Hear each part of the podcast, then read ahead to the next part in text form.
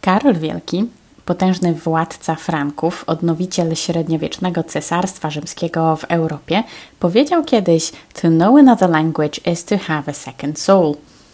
Znać inny język to posiadać drugą duszę. Czy miał rację? No cóż, myślę, że biorąc pod uwagę, że etymologia polskiego słowa król bezpośrednio wiąże się właśnie z imieniem Karola, być może coś było na rzeczy. Dzisiaj porozmawiamy o tym, czy język kształtuje sposób, w jaki myślimy. I jeżeli tak, to na ile? Teorię głoszącą, że język wpływa na myśli, nazywa się teorią relatywizmu językowego, a często spotykamy ją również pod mianem hipoteza Sapira-Whorfa. Ale na ile język faktycznie wpływa na to, jak myślimy? Byli Sapir i Worf i czy faktycznie jest to hipoteza językoznawcza? O tym w dzisiejszym odcinku. Nazywam się dr Anna Jelec, a to jest podcast Językoznawstwo.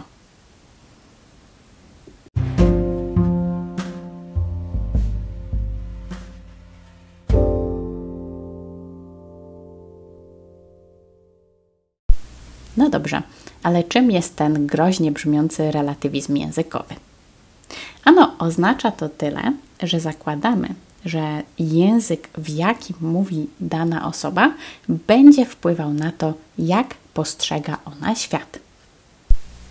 W nieco bardziej filozoficznym ujęciu mamy tutaj zasadami językowego determinizmu i językowego relatywizmu. Determinizm mówi nam, że język, którym mówimy, wpływa na sposób, w jaki myślimy. Natomiast relatywizm mówi nam, że ludzie, którzy mówią różnymi językami, e, będą myśleli nieco inaczej. W praktyce teoria relatywizmu językowego mówi nam, że jeżeli tak jak w dowcipach do baru wejdzie Polak, Rusak i Niemiec, to każda z tych osób nieco inaczej będzie rozumiała świat ze względu na to, jakim językiem się posługuje. Wśród językoznawców teoria relatywizmu językowego budzi wiele kontrowersji, ale jednocześnie wydaje się tak atrakcyjna, bo przecież łatwo możemy uwierzyć, że jeżeli w jakimś języku nie ma słowa na dany fenomen, to ten fenomen jakby poznawczo nie istnieje. Przyjrzyjmy się więc nieco z bliska temu, jak działa relatywizm językowy. Jak już wspominałam, teoria relatywizmu językowego często pojawia się pod nazwą hipoteza Sapira-Whorfa.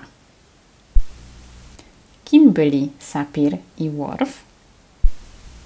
Edward Sapir to antropolog i językoznawca, autor książki Language and Introduction to the Study of Speech, która była kluczowa dla rozwoju fonetyki i fonologii. Sapir był Niemcem urodzonym w Lauenberg. Benjamin Lee Worf natomiast e, był figurą dosyć intrygującą.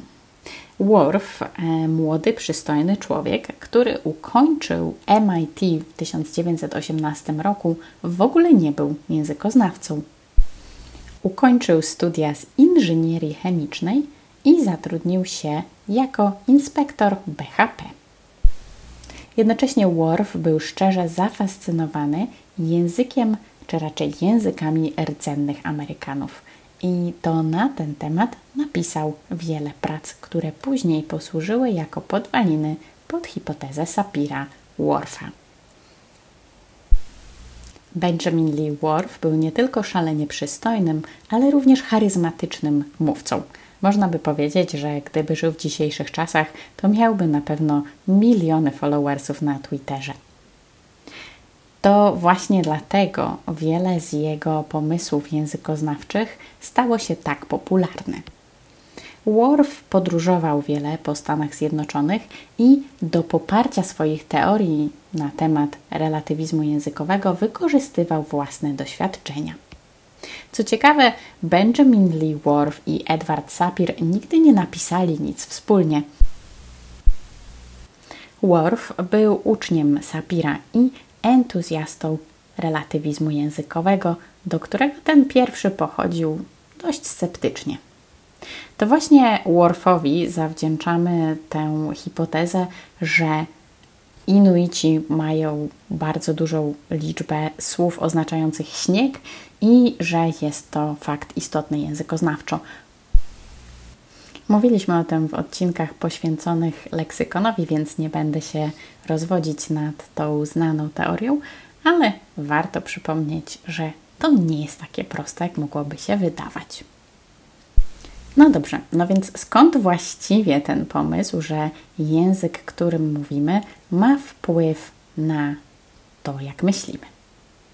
Worf zauważył w swoich badaniach nad językami rdzennych Amerykanów, że w niektórych e, przypadkach angielski posiadał jedno słowo na dane pojęcie, podczas gdy dany język e, Shawnee czy Hopi, e, który badał Worf, posiadał więcej słów, czy nie miał jednego słowa, aby opisać dane zjawisko. Jednym ze znanych przykładów jest woda. Większość języków europejskich posiada słowo woda. Woda oznaczające zarówno wodę pitną, wodę w szklance, wodę w jeziorze czy rzece, czy wodę w kanale. Natomiast w języku Indian Hopi znajdziemy dwa słowa na wodę. Jedno e, mówiące o wodzie pitnej w jakimś pojemniku i kolejne, którego używamy do opisania wody w jakimś rezerwuarze naturalnym, jak jezioro czy rzeka. Według Worfa ta polisemia pokazuje, że niektóre języki, w tym przypadku języki rdzennych mieszkańców Ameryki, robią rozróżnienia w miejscach, w których Europejczycy ich nie robią. Oznacza to również według Worfa, że nie zawsze możemy przetłumaczyć idealnie e, słowa pomiędzy językami, bo co jeżeli na przykład w danym języku danego słowa nie ma. I tak, według hipotezy Sapira-Whorfa, mówilibyśmy o tym, że jeżeli w danym języku mamy dwa słowa oznaczające dwa różne rodzaje wody, to prawdopodobnie są również dwa pojęcia na wodę.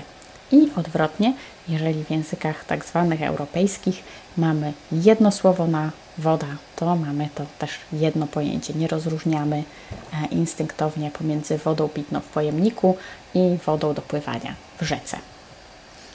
I to właśnie ta teoria, praktycznie od momentu, kiedy Worf ją ogłosił, budzi bardzo wiele kontrowersji. Do tego stopnia, że obecnie rozbito e, zwolenników jej jakby na dwa obozy. Jest to tak zwany obóz silnego relatywizmu i obóz relatywizmu umiarkowanego. Hardkorowa wersja hipotezy relatywizmu językowego mówi o tym, że język determinuje myśl, czyli język kształtuje nasze myśli. Ten rodzaj relatywizmu zakłada, że kategorie językowe, które funkcjonują w naszym języku rodzimym, będą ograniczały nasze myśli.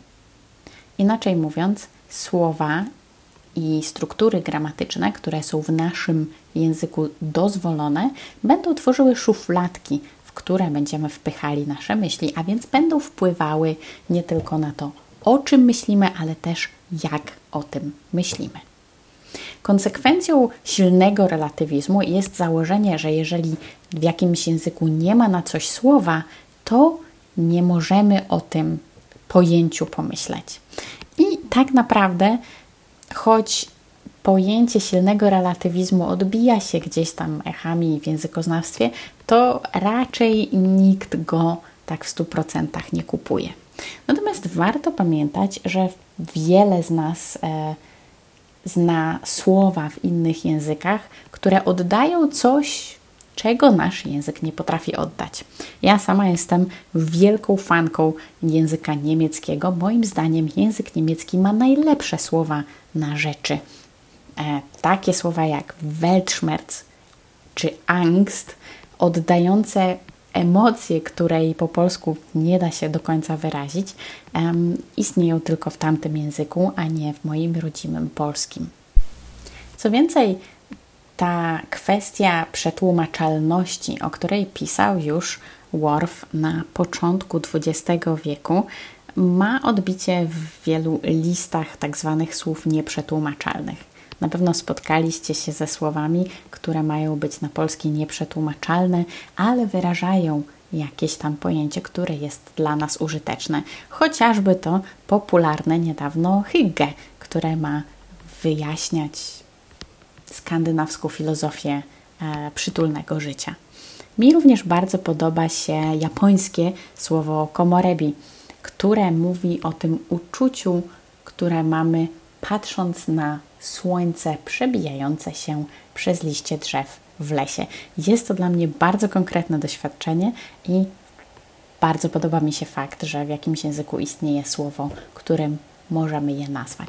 Natomiast prawda jest taka, że komorebi na polski na jedno słowo nie przetłumaczymy, ale czy oznacza to, że nie możemy posiadać pojęcia komorebi? No, niekoniecznie. I tak wchodzimy w hipotezę relatywizmu językowego, tak zwaną słabą. Słaby relatywizm językowy, czy umiarkowany relatywizm językowy, mówi nam o tym, że kategorie językowe i to, jak używamy języka, owszem, wpływają na nasze myśli, ale nie determinują ich. Język czy języki, którymi mówimy, mają wpływ na to, jak się zachowujemy, ale nie mają wpływu decydującego. I ta wersja relatywizmu jest znacznie bardziej przyjazna dla użytkownika. Zastanawiacie się może, w jaki sposób gramatyka i słownictwo mogą wpływać na to, jak myślimy? No więc przyjrzyjmy się temu na przykładzie zdania. Dajmy na to, Makłowicz przeczytał siedem książek. Po angielsku mówimy Makłowicz read seven books. W języku angielskim obowiązkowo musimy zaznaczyć czas, czyli musimy wiedzieć, że Makłowicz te książki przeczytał. Nie, że się szykuje do ich przeczytania na przykład, ani że czyta je teraz na bieżąco. Co więcej, w angielskim musimy wykorzystać bardzo konkretną kolejność słów w zdaniu. W przeciwnym razie nie będzie wiadomo, kto co robi i komu. Z drugiej strony, jeżeli przyjrzymy się, jak to zdanie wygląda w innych językach, to od razu zaczynają się liczyć inne rzeczy. Dla przykładu, Makłowicz przeczytał siedem książek, nie będzie już nam mówiło o tym, czy te książki zostały przeczytane, czy dopiero pan Makłowicz się do ich przeczytania szykuje. Dlaczego? Dlatego, że w języku indonezyjskim nie zaznaczamy czasu w czasowniku. Po polsku, co więcej, musimy zaznaczyć, czy Makłowicz jest panem czy panią, bo nasze czasowniki wymagają końcówek sugerujących nie tylko czas, ale również płeć. Czyli inaczej powiemy, jeżeli mówimy o Robercie Makłowiczu, Makłowicz przeczytał siedem książek, a inaczej, jeżeli mówimy o pani, która ma również na nazwisko Makłowicz. Po rosyjsku do tego musimy dodać również informacje o tym, czy te książki zostały przeczytane, czy jeszcze są w trakcie czytania. Zresztą podobnie jak w polskim, w którym również zaznaczamy ten aspekt. A więc co innego powiemy, jeżeli pan Makłowicz obecnie jest w trakcie czytania tych książek, kilka z nich już ma przeczytanych i wtedy będziemy mówić o tym, że Makłowicz czytał siedem książek w tym roku na przykład, a co innego powiemy, jeżeli pan Makowicz te książki już przeczytał. I wtedy mamy Makłowicz przeczytał 7 książek. A więc sama forma czasownika mówi nam o tym, kim jest Makłowicz, czy już e, daną czynność dokonał i kiedy ona się wydarzyła. Po turecku musimy dodać z kolei informację, skąd wiadomo, że dane wydarzenie się wydarzyło. Czyli czy widzieliśmy na własne oczy pana Makłowicza czytającego siedem książek, czy też może ktoś nam o tym opowiedział. I jest to informacja gramatycznie niezbędna do ukształtowania zdania. Natomiast w języku piracha na przykład e, nie będziemy w stanie powiedzieć, ile konkretnie książek pan Makłowicz przeczytał. Nie będziemy w stanie powiedzieć, pan Makłowicz czy Makłowicz przeczytał 7 książek, dlatego że piracha nie ma terminów na liczby, więc będziemy mogli powiedzieć albo przeczytał tych książek kilka, albo przeczytał tych książek wiele. I w ten sposób każdy z języków, którym chcemy wyrazić niby to samo, w bardzo subtelny sposób będzie nas popychał do tego, żeby ominąć informacje i informacje dodawać, kształtując to, w jaki sposób postrzegamy dane wydarzenie. No i oczywiście dostarczając tłumaczom ustnym i pisemnym bólu głowy. Umiarkowany relatywizm językowy mówi nam bowiem o tym, że język, który mówimy, sprawia, że uczymy się zwracać uwagę na konkretne fragmenty naszego doświadczenia. Współcześnie niezwykle ciekawe badania nad relatywizmem językowym prowadzi Lera Borodicki. Bada ona na przykład, w jaki sposób język wpływa na to, jak rozpoznajemy kolory, jak rozumiemy przestrzeń, liczby, a nawet na nasze poczucie czasu. Jej TED Talk How Language Shapes the Way We Think jak język kształtuje nasze myśli odtworzono już ponad 13 milionów razy. Serdecznie polecam ten TED Talk. Przedstawia on jej badania w krótkiej i ciekawej formie. Jeżeli chcecie się przyjrzeć temu, jak wygląda życie tej słynnej językoznawczyni, możecie również śledzić ją na Instagramie. Zanim jednak przejdziemy do omawiania jej eksperymentów, spróbujmy wykonać własny eksperyment. Zamknijcie oczy. Spróbujcie teraz pokazać palcem, gdzie znajduje się południowy wschód. Otwórzcie oczy. Poszukajcie może na kompasie, a może na mapach Google, gdzie faktycznie jest południowy wschód. Jak dokładnie udało Wam się wskazać ten kierunek? No cóż, jeżeli niezbyt dokładnie, to mam dla Was dwie wiadomości. Dobrą i nieco gorszą. Bo z jednej strony prawdopodobnie Wasza dokładność we wskazaniu kierunku świata z zamkniętymi oczami w jakimś pomieszczeniu była bardzo bliska tej, z jaką robi to profesor Harvardu. Złą, ponieważ ani profesor Harvardu, ani wy prawdopodobnie nie byliście jacyś super dokładni.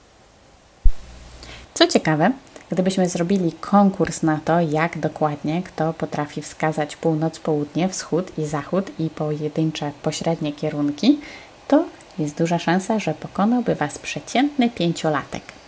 Ale nie pięciolatek z jakiejś kultury europejskiej.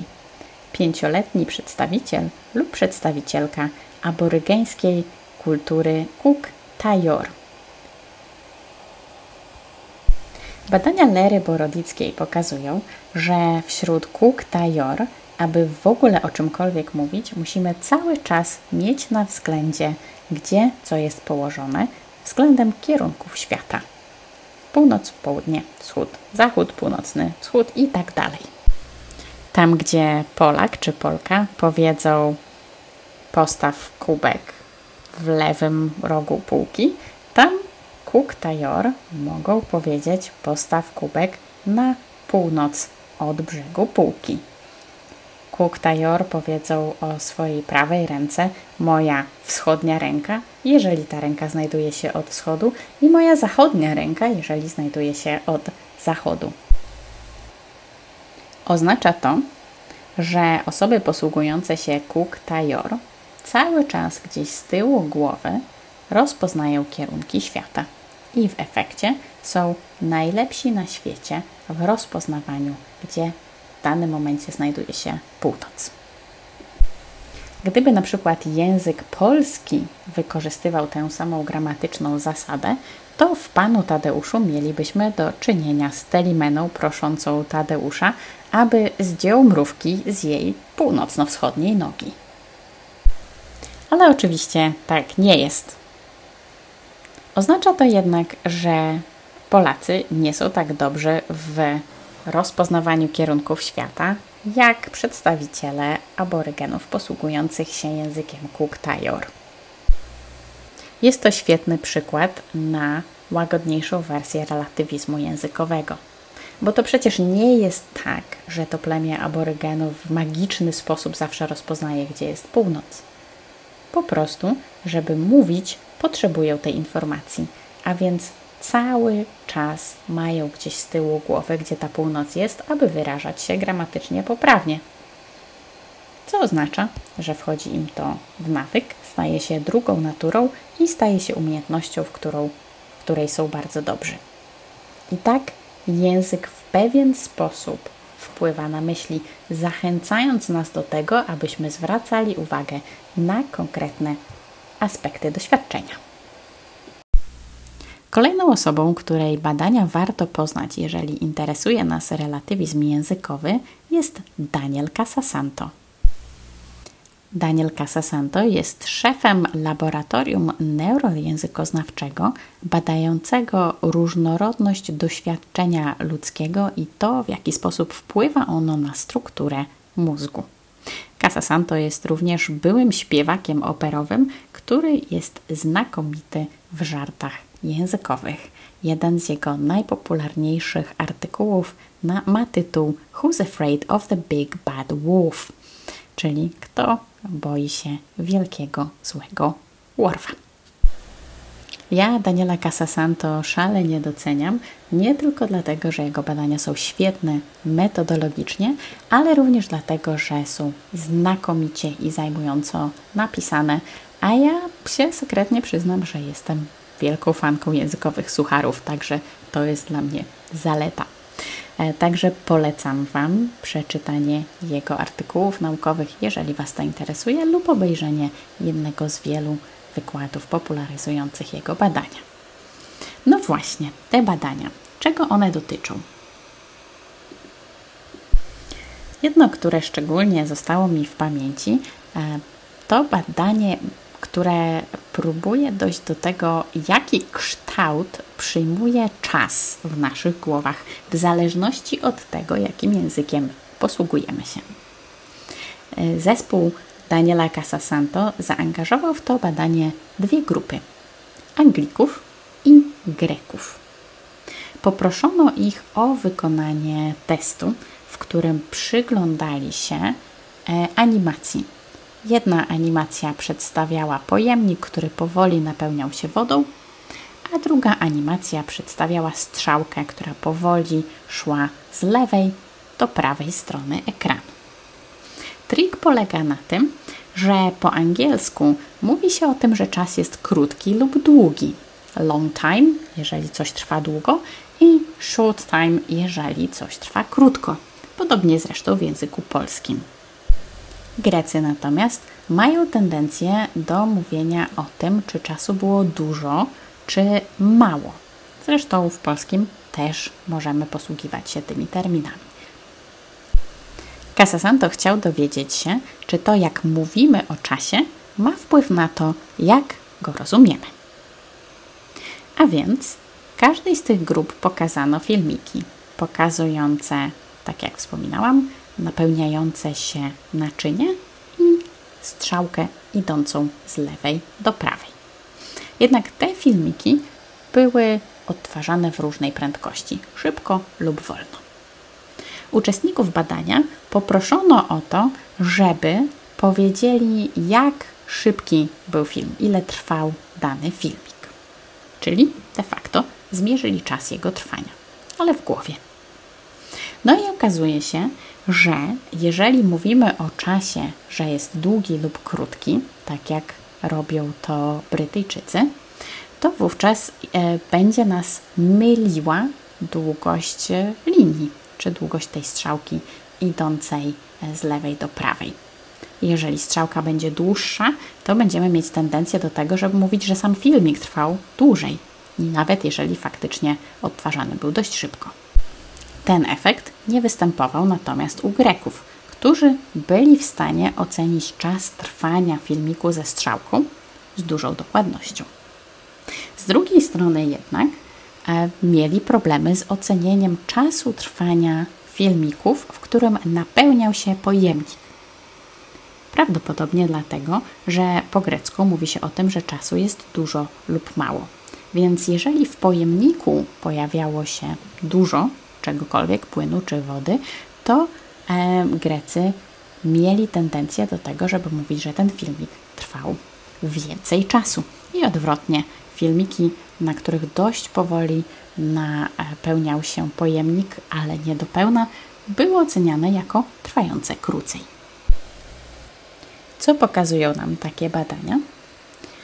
Po pierwsze, pokazują nam, że sposób, w jaki nasz język opisuje czas, czy mówimy o czasie długim lub krótkim, czy mówimy o czasie dużym lub małym, ma wpływ na to, jak myślimy o tym czasie, nawet jeżeli nie używamy w danym momencie słów. Czyli mówi nam o tym, że jest jakieś powiązanie pomiędzy językiem, którym się posługujemy, a procesami myślowymi. Z drugiej strony, badanie Daniela Casasanto nie wymagało od użytkowników używania słów czy języka, a tylko przesuwania suwaczka, który mówił o tym, jak szybki lub e, jak długi lub krótki był filmik. Oznacza to, że nasz język będzie miał wpływ na nasze myśli, nawet jeżeli w danym momencie nie mówimy, co jest bardzo ciekawe z językoznawczego punktu widzenia. Czyli nawet jeżeli nie mówię, to to, jak normalnie mówię, wpływa na to, jak myślę.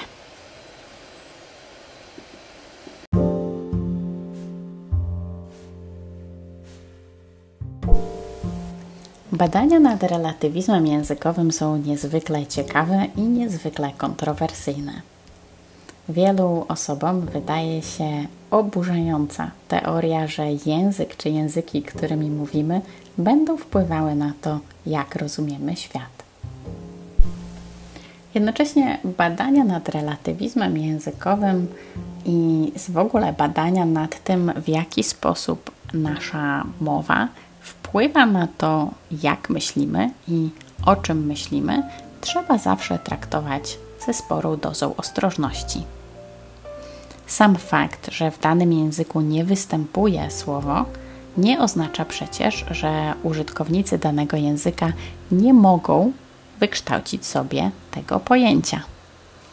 Dla przykładu, hygge stało się teraz powszechnie rozumianym słowem, mimo że jeszcze niedawno było kompletną abstrakcją.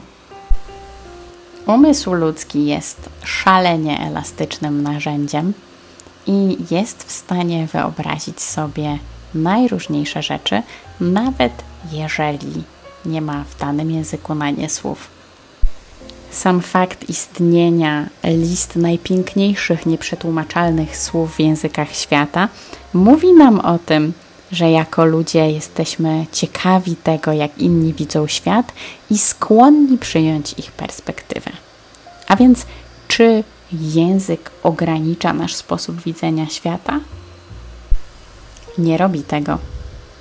Natomiast język, jakim się posługujemy, słowa i konstrukcje gramatyczne, jakie uważamy za naturalne, będą kierować naszą uwagę na pewne aspekty rzeczywistości. Każdy z nas ma w głowie świat pojęć i powiązań pomiędzy nimi. Posługując się nowymi słowami, ucząc nowych języków, a nawet rozmawiając o nowych kwestiach społecznych czy politycznych, jesteśmy w stanie poszerzyć ten świat. Czyli bardzo dosłownie, język poszerza nasze horyzonty.